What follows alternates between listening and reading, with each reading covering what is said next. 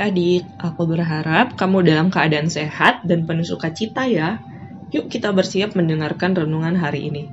Siapkan Alkitab dan renungan kamu ya. Sebelumnya, mari kita bersatu dalam doa. Ya Bapa, terima kasih untuk hari baru yang sudah Tuhan sediakan dalam hidup kami. Sebentar kami akan merenungkan firman Tuhan. Tolong berkati kami sehingga kami dapat mengerti ya Tuhan. Amin.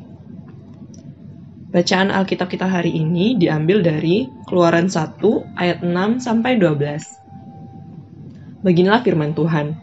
Kemudian matilah Yusuf serta semua saudaranya dan semua orang yang seangkatan dengan dia.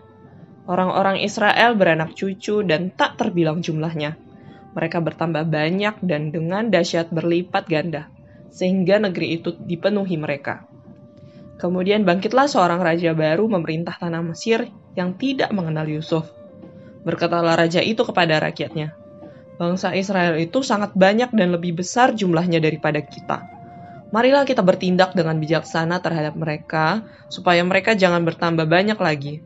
Dan jika terjadi peperangan, jangan bersekutu nanti dengan musuh kita dan memerangi kita, lalu pergi dari negeri ini. Sebab itu, pengawas-pengawas Rodi ditempatkan atas mereka untuk menindas mereka dengan kerja paksa. Mereka harus mendirikan bagi Firaun kota-kota perbekalan, yakni Pitom dan Ramses. Tetapi makin ditindas, makin bertambah banyak dan berkembang mereka, sehingga orang merasa takut kepada orang Israel itu. Adik-adik, selama bertahun-tahun, Yusuf menjadi wakil dari Firaun di Mesir. Berkat Tuhan sangat melimpah bagi hidup Yusuf dan keluarga besarnya. Selama itu juga Yusuf diberkati Allah dengan memiliki hikmat sehingga menyelamatkan Mesir dari bencana kelaparan yang melanda selama tujuh tahun dengan membangun rumah-rumah perbekalan. Tapi adik-adik, kini Yusuf telah meninggal. Begitu juga dengan saudara-saudara Yusuf yang lainnya. Semua orang Israel dan banyak orang Mesir menangisi Yusuf. Mereka teringat akan jasa Yusuf selama ia menjadi pemimpin. Ya, itu karena Tuhan menyertai Yusuf. Tuhan memiliki rencana yang besar untuk bangsa Israel melalui Yusuf. Walaupun Yusuf sudah meninggal, namun Tuhan tetap menyertai bangsa Israel dan menambahkan jumlah mereka. Seperti Tuhan menyertai bangsa Israel, Tuhan juga menyertai kita anak-anaknya di mana pun kita berada.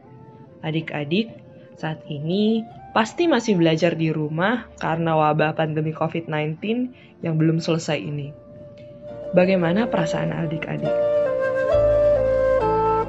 Tentu adik-adik sedih dan bosan karena harus berdiam di rumah.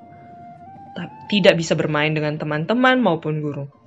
Namun, kita tetap percaya bahwa Tuhan selalu menyertai kita.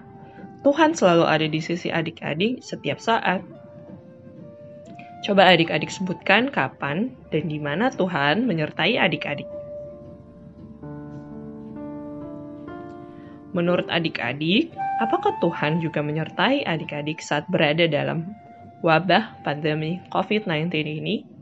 Bagaimana adik-adik mengetahuinya?